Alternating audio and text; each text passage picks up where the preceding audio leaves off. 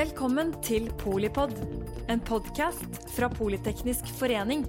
Et kunnskapsbasert medlemsnettverk for bærekraftig teknologi og samfunnsutvikling.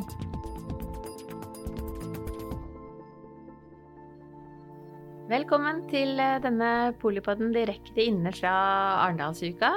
Vi skal snakke om eh, arbeidslivet om bærekraft og om eh, hva som skal til for å være klare for fremtiden. Da har vi selvfølgelig med oss Trond Markussen, som er president i NITO. Trond, hva burde vi snakke om når vi snakker om politikk her i Arendal? Jeg, jeg synes jo det altså politikk, Alt vi holder på med, er jo politikk. Men, men, i denne settingen så tenker jeg at noe av det vi står midt oppi nå, handler jo om, om bærekraft Eh, og da syns jeg det er interessant å tenke hvordan kan vi bruke den norske modellen i forhold til, eh, til bærekraft? Eh, og så er jo jeg også veldig gira på at skal vi få til noe mer på bærekraft, så må vi jo tenke i forhold til kompetanse. Eller kanskje mangel på kompetanse, så et par stikkord fra meg kan være trepartssamarbeid, norske modellen, og kompetanse eller mangel på kompetanse. Og de henger jo sammen. Heldigvis så mm. gjør de det. Det. og, og, alt dette det kan du legge under paraplyen eller koble opp imot uh, mot bærekraft og den framtida som uh, Egentlig så er vi jo midt oppi den. Vi, er, vi har forstått uh, at vi er i et skifte, en omstilling. nye generasjoner kommer med nye forventninger, ny kompetanse. Men, men den norske modellen, det Hva legger du i det? Sånn kort fortalt, hva er egentlig det? Det er et veldig godt spørsmål. Jeg legger samarbeid i den norske modellen. Og det at vi, eh, vi kobler den norske modellen der du legger det på det lavest mulige nivået, der arbeidsgiver og arbeidstaker snakker sammen, har en tett dialog. Det er jo de som har skoen på, det er jo de som vet utfordringen. Så prøver man å løse det på lavest mulig nivå. Og så har vi da trepartssamarbeidet, som også er en del av den norske modellen, kobla på politisk, altså de som er besluttende, ja, som også kan bidra med litt økonomi inn i dette, det at vi klarer å få en tett og god dialog. Et godt eksempel på den norske modellen, og nå kobler vi akkurat det med kompetanse inn også. Når vi eh, gikk inn i pandemien, så jobba vi med noe som kaltes bransjeprogram. Og det er jo den norske modellen i praksis. Arbeidsgiver, arbeidstaker sier til seg hva er det vi har behov for innen denne bransjen? Hva slags kompetanse er det vi trenger? Eh, arbeidsgiver vet noe, arbeidstaker vet noe, og så tar man med seg utdanningsinstitusjoner etterpå. Så sier man at ja, men nå vet vi hva vi trenger, kan dere hjelpe oss å lage dette? Og så kommer sistemann i trepartssamarbeidet, politikerne inn og sier hvordan finansierer vi dette? Så da klarte vi å lage, gjennom trepartssamarbeidet, så klarte man å lage et, en modell og et verktøy som gjorde at vi kunne etter- og videreutdanne de som trengte det. Og det gjør jo det at da er du attraktiv i jobb fortsatt, du har en jobb, eh, og vi kan skape en fremtid både for bedrift og for ansatt, og ikke minst for landet. Og så skjer det jo raskt, da. Det, det er, det, du trenger ikke vente på 13 års utdanning, på en måte. Det er, det er tilpasset eh, markedet og etterspørselen, og, og, og, du er raskere ute med den kompetansen som trengs? Det er et veldig viktig stikkord. For uh, når vi snakker Jeg snakker jo mye om IKT. Vi trenger flere med IKT-kompetanse. Og vi er sammen med, med Abelia IKT Norge så har vi sett på hvordan er behovet fremover, og, og ser at i 2030 så vil vi mangle 40 000 med IKT-kompetanse. Så vet jo både du og jeg og alle de som lytter på, at først så går du ungdomsskole, videregående skole, og så må du ta tre år for å få bachelorutdanning, og så må du ta et par år til for å få masteren, og hvis du trenger doktorgrad for å jobbe med IKT-sikkerhet, så må du henge på noen år til. Ja, da er 2030 fryktelig mm. nært. Men hvis vi kan gå inn på sånne halvstuderte røvere eller ingeniører som er i jobb i dag, og si at ja, men vi kan oppgradere, det er faktisk mulig å gi deg tilleggskompetanse og videreutvikle den kompetansen du har, sånn at du kan begynne å levere lenge før 2030. Da begynner dette å bli interessant. Ja, og da er det også kanskje enda mer eh, skreddersydd for det behovet der du jobber, eller eh, Altså, da vet du også hva det skal brukes til. Eh, Og det er jo en motivasjon, Mm. for da er det lavere terskel, og du er raskere i gang, og det blir enda bedre. Så, så absolutt, dette er jo, det er jo noen av disse her kindereggene og vinn-vinn som er så Hvilke bransjer bra. eh, gjorde dere dette for? Vi har, men det, ikke, Eller med? Dette, dette gjelder innenfor flere bransjer. Så det, Mhm. det er mange bransjer som har bransjeprogram der man ser f.eks. innenfor maritim næring, så ser man på hva kan vi gjøre der, hva er det man trenger der. Det, det gikk jo på sånn noe enkelt som at vi har en del skipsverft som sleit, og da, hva, hva, er det vi kan, hva er det vi kan spisse oss på, hva er det vi trenger av kompetanse og, og, og ut, utdanning for å kunne være konkurransedyktig i et marked. Mm. Uh, og det har vi gjort med, det har vi gjort med flere næringer. Og, men, men dette her er sånne kortere prosjekt. Og prosjektet er fint for å teste ut noe, men uh, du trenger en forutsigbarhet, du trenger en langsiktighet. Så der utfordrer vi jo også politikerne på å si at dette må vi gjøre til noe permanent. Og så må vi gjøre det i samarbeid med næringsliv, fagforeninger og ikke minst skoleverket. Så vi Mm. må ha universitet og høyskoler med oss på laget. Da er det, da er det store muligheter. Og alt dette trenger litt penger. For det, det er jo det neste. Hvis, eh, hvis vi skal ta etter- og videreutdanning, eh, hvem skal betale regninga? Det er litt krevende.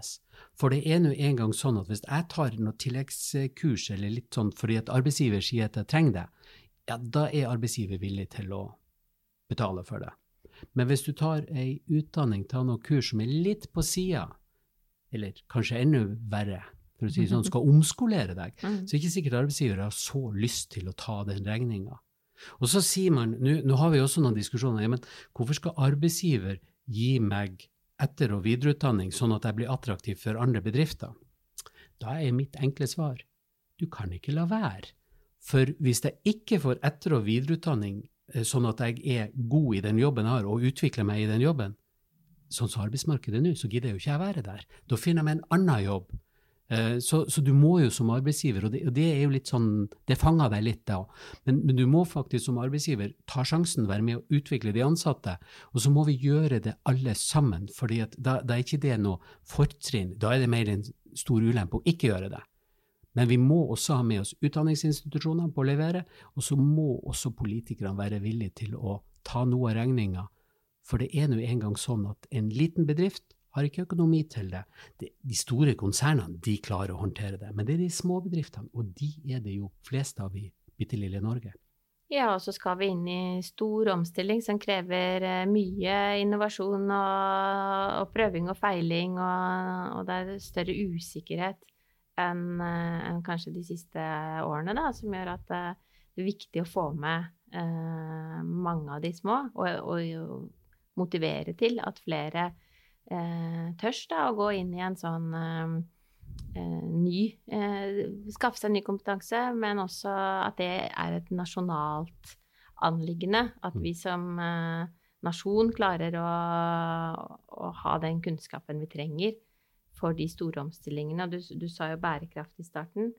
Det, en sirkulærøkonomi kommer jo ikke av seg selv, og, en, eh, og et grønt skifte kommer jo heller ikke bare sånn fordi vi ønsker det. Vi må jo kunne det. det. Nei. det er sant, Ja. Ja. Nei, og det, det er jo noe av det vi eh, Vi jobber jo sammen med de andre nordiske ingeniørforeningene og har et sånn Association of Nordic Engineers, eh, samarbeid og en organisasjon der. Og vi, vi har gjort eh, vi, vi undersøkte litt altså hvor god er ingeniør- og realfagsutdanningen i forhold til nettopp sirkulær økonomi, eller det å kunne lage ting for gjenbruk. Og der har vi en vei å gå. Så det er jo noe av det vi ønsker, også i Norge, å utfordre utdanningsinstitusjonene på. Tenke utdanninger, tenke deler i kursene som utdanninger som, som gjør at man blir god på Mm. sirkulær tankegang. Og det ene er jo i forhold til de som skal nyutdannes. Men det andre er jo de som har en utdanning. Så der er det jo leveranser inn mot både de som tar sin første utdanning, og de som tar etter- og videreutdanning. Mm. Og dette må jo ikke nødvendigvis være utdanning i kurs som skal vare i tre måneder, seks måneder, tolv måneder. Det må være noe som du kan kombinere med jobb, for da er det også attraktivt for eh, arbeidsgiver. Mm. Og det kan være mulighet også for de mindre bedriftene å få Mm. dette til å fungere. Litt sånn nysgjerrig, var det noen forskjeller mellom Norge og de andre nordiske landene der? Nei, det, Var det noen som er gode på noe, for eksempel? vi hadde, og det, det, det, det er svakheten med den undersøkelsen, vi hadde litt for få universitet til at vi klarer i Norden til at vi mm. klarte oss å se akkurat. For det er jo det som er, er, litt, eh, er, litt, spennende å se. For der er jo forskjeller mellom de nordiske landene i forhold til hvordan vi jobber og hva vi er, hva vi er gode på. Så, så der, eh, der, håper jeg jo at vi skal klare å trekke ut noe mer etter hvert og, og se på hvordan kan vi lære av hverandre. Mm. For da er du tilbake til det med samarbeid. Eh, det, det, er jo det at vi, vi konkurrerer, men samtidig, vi har så mye felles vi trenger å samarbeide og vi kan lære av hverandre, som gjør oss attraktive, ikke bare i Norden, men som markedet utenfor Norden. Ja, og det, det samarbeidet, da, enten det er eh, liksom eh, på første nivå mellom arbeidsgiver og taker, eh, meg og sjefen, er det mm, Eller det er på det store, egentlig den norske modellen. Mm den, nå som uh, arbeidslivet er annerledes, uh, digitalisering, teknologi gjør, gjør, at vi jobber på en annen måte. Neste generasjon har en annen forventning. og så er det noen kjempestore samfunnsmål som vi bare må samarbeide om. hvor ser du at den norske modellen videreutvikles? Det, det, første vi må gjøre, det er jo rett og slett eh, altså Den norske modellen det har gjort et kjempeflott arbeid med den. Men vi ser jo at den, hvis ikke vi pleier å bruke den, tar vare på den, så forvitrer jo modellen. Og det er jo en av grunnene til at vi sier det at uh, vi må ha flere ansatte, flere arbeidstakere som, som, organiserer seg, sånn at vi blir en relevant part i mm. trepartssamarbeidet. Hvis arbeidsgiver er organisert, og vi står ene og alene, hver og en av oss, så er det en utfordring. Um, så det, det noe, derfor så ønsker vi å snakke til ungdom på CD trepartssamarbeid, det med samarbeid, det må være til stede på bedriften og kunne snakke på vegne av arbeidstakerne og ha en rolle i forhold til det. Det er jo det trepartssamarbeidet handler om. Og sånn som nå. Eh, nå begynner vi å tenke bærekraft, eller begynner å tenke, vi har tenkt bærekraft lenge, men nå begynner vi å få det inn i avtaleverket, der vi snakker mellom bedriften, arbeidstakeren, og så gjør vi avtaler på ting som, som kan være klima, miljø, ting som vi kan gjøre lokalt på bedriften, og si at dette skal vi ha med i avtaleverket lokalt. Trepartssamarbeidet eller topart, for dette er bedrift, arbeidsgiver og arbeidstaker. Og så ser vi også det at uh, skal vi klare bærekraft, så trenger vi jo faglig påfyll. Så nå prøver vi også å jobbe fram avtaler om at du, du, faktisk skal kunne ta kompetanseheving, at det er en del ut av eh, Det er et krav til arbeidsgiver at de må jo sørge for at vi som arbeidstakere er relevant og, og kan gjøre jobben vår. Men det er like mye at vi som arbeidstakere må jo også kjenne vår besøkelsestid og sørge for at vi tar, ber om, følger opp hva vi mangler av kompetanse. Så kompetanseheving, også innenfor bærekraft, vil være, være viktig. Og så, så, ønsker vi også at vi skal bli mer bevisst på bærekraftsmålene, sånn at vi som arbeidstakere kan, kan se hva vi kan gjøre på vår bedrift. Det er jo de små mm. stegs marsj. Mm. Uh, og hvis vi alle sier at ja, det betyr så lite hva vi gjør, så kommer vi jo aldri i mål. Men hvis vi setter oss ned og ser hva slags muligheter har vi sitter sammen med arbeidsgiver og gjør ting lokalt, ja, da får vi ei påvirkning. Og da kan vi si at trepartssamarbeidet, den norske modellen, har relevans for bærekraft i det store. Små steg, men, men viktig i det totale, når alle gjør det. Ja, altså Ingen kan gjøre alt, men alle kan gjøre noe. Og så er det jo Eh, kombinasjonen av at, eh, at, det faktisk eh, betyr noe der du jobber. At det er Da har du også lyst, og, og, det er liksom direkte behov for det du lærer deg eller, eller gjør også i, i, i, det daglige, da. Mm. Men så er det mange eh, Kanskje også altså vi, Disse store omveltningene krever jo også mye eh, oppstartsvirksomhet, eh, gründerskap, Eh, folk som ikke nødvendigvis eh, organiserer seg eller, eh, eller tenker på at de verker Altså de er både arbeidsgiver og arbeidstaker, og du er jo Du driver jo din, din egen, ditt eget selskap selv. Mm, mm. Så hvordan kommer den gjengen med? Vi har mange i Politeknisk forening som også er, er der. Da. Så hvordan kommer de inn i liksom neste versjon av en sånn samarbeidsmodell? Det er et veldig godt spørsmål. De av oss som har vært arbeidstaker i bedrifter og var organisert da. Vi har jo med oss dette i ryggraden og ser jo nytten av f.eks. et medlemskap i NITO når vi etablerer egen virksomhet. Eh, men de som studerer og går rett ifra eksamen til gründerbedrift, de har jo ikke den, den bindinga. Hvis ikke vi klarer å framsnakke dette, klarer å synliggjøre at det er en merverdi. Så, så um, NITO vi etablerte, og det begynner å bli bra mange år siden, så etablerte vi noe vi kaller for NITO egen bedrift. Og det er jo for oss som er selvstendig næringsdrivende. Første tanken var jo eh, en, um, arena der vi kunne fortelle de som skulle etablere bedrift, skal jeg gå for enkeltpersonsforetak, skal jeg gå for et AS, en NUF, hva er forskjellen på de, disse selskapsformene? Så da hjelper vi dem i forhold til det. Eh, men så ser vi også det at ja, man har kanskje noen behov for å spare med noen, eller diskutere tematikk, problemstillinger rundt det å drive eget selskap. Så vi prøver å lage noen møteplasser og det, det, er jo også luksus nå, for nå kan vi lage de digitale. Mm. Uh, så det gjør vi.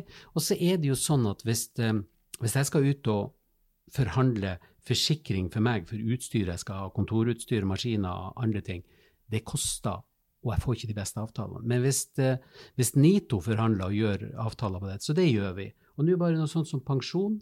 Vi har jo laget, Nå er det jo kommet en eh, NITO egen pensjonskonto som kom som følge av pensjonsreformen og de endringene som er gjort der, at man, man kan ha egne pensjonskontoer. Så det har jo vi etablert, og det er jo en kjempefordel, fordi at går du som enkeltperson til et forsikringsselskap og tegner pensjonskonto, det koster. Mm. Men går du via NITO, så kan vi gjøre det, gjøre det bedre.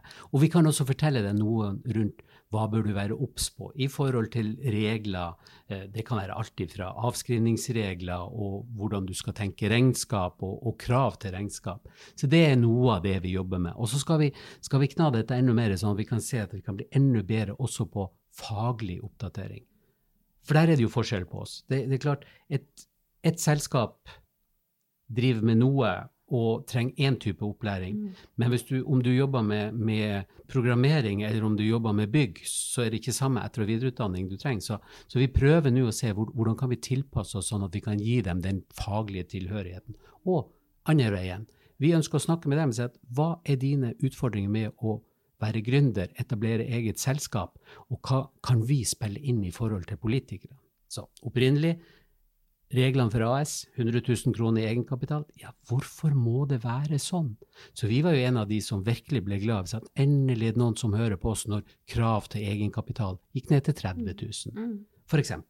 Og da blir vi en tydeligere stemme, og vi politikerne ønsker, beslutningstakerne ønsker også å prate med oss. Så da kan du som en person med eget selskap faktisk få en stemme inn. På en måte blir jo det trepartssamarbeidet, det også. Ja, det... Men vi tar deg med inn i den store folden la oss. Og så er det jo i den gjengen så er det også veldig mange som eh, drives av disse store samfunnsutfordringene, da. Mm. Så det er jo også en måte å på en måte sikre at uh, vi som land tar i bruk så mange som mulig i, i både kompetansebyggingen, men også testingen og, og utrullingen av nye løsninger mm. som vi trenger. Og så er det jo sånn at, at store selskap jo, kan jo gjøre noen knoppskytinger, men det tar mye lengre tid mm. når de store skal, skal skape noe nytt. Og disse enkeltpersonene, disse fagnerdene, som vi kanskje kan kalle dem for, de kan hoppe og sprette litt, og så kan de ha noen gode ideer. Men litt av utfordringa deres blir jo igjen å ha en økonomi til det. Så det er jo mm. også noe der vi trenger Store Norge og, og, og, se på hvordan kan vi gi gjennom Innovasjon Norge og, og, muligheter som ligger ellers, hvordan kan vi gi dem muligheten til å etablere og ha en økonomisk ryggrad til å komme gjennom, sånn at de vokser og faktisk blir gode, mm. drivverdige selskap. For mm. masse enkeltpersonsforetak med bare én person, så det, det, gir ikke nødvendigvis den veksten og det vi har behov for. Så det må få lov å vokse til noe mer. For da, da blir det også penger tilbake i statskassa. Det må vel òg være litt av målet? Ja, alt henger sammen med alt, da. Det gjør det. Ja, ja. Mm. Så jeg har jo vært sånn bærekraftsdame i hele mitt liv, egentlig. I hvert fall hele mitt yrkesliv.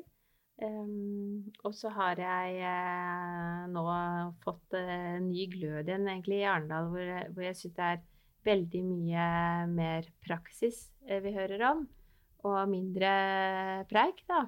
Mm. Og, og, dere er eh, en av dem som, som faktisk eh, konkret eh, jobber med eh, ja, i virkeligheten, hvis man kan si det sånn. Har du andre eksempler? Det er, det er mange eksempler. Vi, vi jobber jo mye nå med, med, det her med, som jeg sa, vi, vi må dimensjonere IKT-utdanningen sånn at vi får nok nye IKT-ingeniører på basis. Eh, så det her med dimensjonering av utdanning. Og hvis vi mm. snakker om, om generelt nå det her med, med rekruttering, så, så, jobber vi jo rent praktisk nå med, med, hvordan skal vi få flere jenter til å ta teknologisk utdanning. Mm. Har et prosjekt nå som heter Jente og teknologi der vi prøver å finne rollemodeller som kan være med og stå frem og, og vise at uh, det er faktisk mulig for jenter å ta en teknologisk utdanning, uh, og det kan gi noen spennende jobbmuligheter. Og Da er det ikke så interessant at jeg står og sier det, men da er det de unge som, som er bare bitte litt eldre enn de som skal gjøre yrkesvalg. Så det, det, er noen av de på rekruttering, på synlighet, og, og så utfordrer vi også politisk i forhold til dimensjonering av, av utdanninger. Eh, så, så, det er jo noen sånne rent praktiske eksempler mm. på, på, hva vi gjør der. Og så jobber vi òg en del i forhold til sirkulær økonomi. Altså hvordan kan vi lære opp, og, og hva kan vi gjøre med utdanningen sånn at vi blir enda bedre på og så er det Sirkulærøkonomi, det er ikke alle som forstår. Hva, Nei, hva er det, handler det, det egentlig om? Det er jo litt alt og ingenting. Ja, det er jo det. Ja. Så kan du si det at vi var vel eh, Det, det handla litt om, om, gjenbruk, ombruk. Eh, mm. målet må jo være å lage produkter og gjøre ting på en sånn måte at vi egentlig ikke får avfall. Men at ting kan settes tilbake og, og brukes eh, flere ganger. Uh, og, og, og, et av de områdene der vi syns dette er mest spennende å jobbe med, og det, har vært sagt mange ganger her i Arendal, den enorme innkjøpsmakta som staten har. Vi kjøper for 600 milliarder i året. Og, og, det å skolere de som skal drive med innkjøp, til faktisk å stille noen krav Du kan godt si det at, eh, at sirkularitet og gjenbruk er viktig i forhold til innkjøp, men nå må vi være forbi det. Du må spekke det. Og så må vi være forbi at vi snakker om det. Nå må vi bare gjøre det.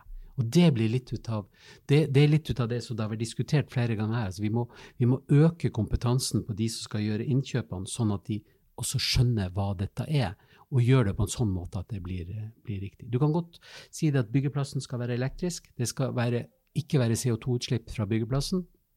Ja, men da må vi skjønne hva det innebærer, mm. og hvordan vi skal, som du sier, spekke det.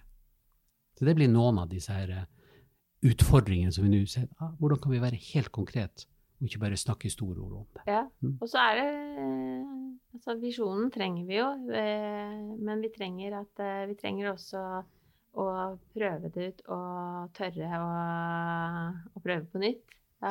Og da er du inne på noe som er veldig viktig. Fordi at den ene fagnerden som har en god idé mm. har, ah, det, det, er ikke økonomi for, den, for, et sånt selskap å gjøre det. Så det å legge til rette for at du som stor stat som innkjøper faktisk lar strukturere det på en sånn måte at man kan prøve ut, at man kan teste ut, at det faktisk er lov å prøve og feile. For det har ikke den, den ene guruen med, og nerden med noe veldig bra for samfunnet, har ikke mulighet til det. Så vi må tenke det også i innkjøp, og kanskje spekke noen muligheter for at vi kan teste ut ny teknologi, ny kunnskap. Da flytter vi stein. Da Mm. Flytter vi oss fremover. Så lære av eh, da, det ene prosjektet. Det jo, vi hadde en kjempeinteressant episode faktisk om uh, offentlige anskaffelser som, uh, som, virkemiddel for uh, bærekraftig utvikling oh, og verdiskaping. for det henger også sammen. Ja. det å, å, lære fra det ene prosjektet hvor man tester ut, egentlig på samme måte som ingeniørene har gjort i, i ja, offshore, f.eks. Eh, med å, å, å, teste ut og så forbedre eh, rutinene eh, hver gang, sånn at, ikke, at, vi kommer raskere til en mer effektiv ressurs, men også innovativ forvaltning av ressursene. Da. Spennende. Og, og, der har du jo også Vi, vi snakker jo Nå snakker vi bærekraft. Eh, vi, skal, vi har veldig mye ressurser, veldig mye kunnskap i forhold til olje og gass. Uh, og, og, det er jo noe av det som Der har det skjedd mye spennende innovasjon, og det er mye god teknologiutvikling som vi må kunne ta med oss over i når vi skal over i et fornybarsamfunn, er på god vei nå og snakker, snakker, bærekraft, ja, men den kunnskapen er jo relevant her. Så da kan vi jo teste ut, eller vi har testa ut, nå må vi også kunne ta det i bruk på andre områder. Så olje og gass kommer til å være viktig for oss i mange mange år fremover, og den kunnskapen, den kompetansen som er der, kjempeviktig for det som skal være med å ta Norge videre når vi nå skal ja, over på eksempelvis havvind. Ja, men det skal vi bli gode på av en eneste grunn, for vi er kjempegode på installasjoner til havs. Det er vi. Eh, eller Det er de, for å si det sånn. ja, men vi tar stort på det. ja, det er veldig bra. Du, eh, for å runde av litt, da, hva tenker du er um, aller viktigst for å lykkes med, med de utfordringene og mulighetene? Tenk positivt, se muligheter, eh, framsnakke, og så er det jo om å gjøre at det er plass til alle. Vi er så få yrkesaktive i Norge at vi må faktisk legge opp til et arbeidsliv der alle kan få lov å være med. Og da er jeg jo tilbake til min etter- og videreutdanning. Det at vi faktisk løfter kompetansen, ikke, ikke bare går på universitet og høyskoler for å finne ny kompetanse, men faktisk ser at vi gamlingene kan være med og bidra. Gjøre det attraktivt å være med også på den reisen Norge skal ha fremover. Det tenker jeg. Alle skal med, og det skal være gøy. Da må jeg bare legge til at uh, kanskje man bare skal høre litt på Polipod og andre gode podkaster. Det er en uh, snarvei til litt ny uh, innsikt. Så kunnskap, kunnskap, er lett å bære. Ja, det er heldigvis. Men også ferskvare. Tusen takk, Trond Markussen, president i NITO. Takk for at jeg fikk lov å være med, og nå skal jeg hjem og høre på podkast. Og da må jeg si takk til deg som hører på, når du vil og hvor du vil. Jeg er Mette Vågnes Eriksen, generalsekretær her i Politeknisk forening, og sier på gjenhør. Takk for at du lyttet til Polipod fra Politeknisk forening. Få med deg flere episoder, eller bli med på nettverksmøtene som du finner på at polyteknisk.